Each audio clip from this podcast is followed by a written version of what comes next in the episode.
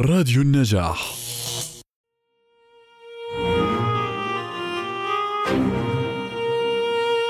الأمثال الشعبية تمثل جزءا كبيرا من ثقافة وفلسفة أي شعب خصوصا الشعب المصري الذي يعد من أكثر الشعوب العربية استخداما للأمثال. ولكل مثل مناسبة يقال فيها فيختصر فلسفة أو حكمة حياتية. بعض الأمثال من ورائها حكاية. والبعض الآخر استخلص من حديث شريف أو قدسي وتحور بمرور الزمن. ولأن الكثير منا لا يعلم أصل الحكاية فكرنا في الرجوع بالزمن لنبحث عن أصلها. ده إحنا دفنينه سوا. انكر بقى ده إحنا دفنينه سوا. علي أنا ده إحنا دفنينه سوا. ما أنا عارف. ده إحنا دفنينه سوا. جمل تتكرر كثيرا. في الحوارات اليومية المصرية بين الأصدقاء أو شركاء العمل. ويكون القائل موجها كلامه لشخص يحاول أن ينكر حقيقة أو يزيف حقا يعلمه القائل. هل فكرت يوما في أصل هذا المثل؟ تعال معنا لنتعرف سويا على حكاية إحنا دفنينه سوا. أكثر الحكايات شيوعا وأقربها للصحة.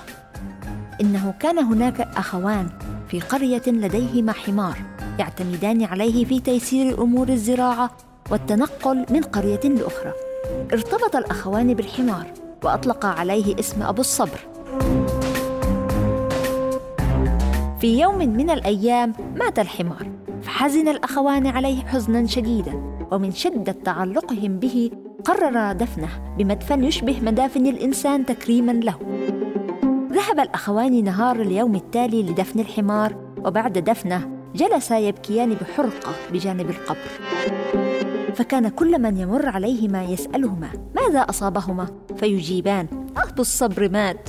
فيسأل الناس عن أبو الصبر فيجيبان بأنه كان سندهما وعوناهما.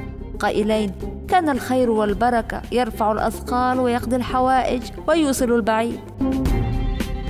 وظل الأخوان بجانب القبر فترة وكلما مر عليهما شخص سألهما كانا يقولان نفس الإجابة إلى أن ظن الناس أن أبو الصبر هو شيخ تقي أو رجل من أولياء الله الصالحين.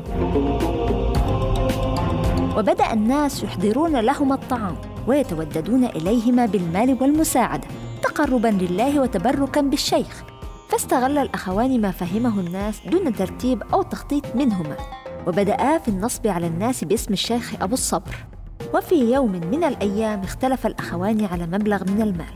فقال أحدهما للآخر بغضب والله إن لم تعدل لطلبت من الشيخ أبو الصبر الانتقام منك.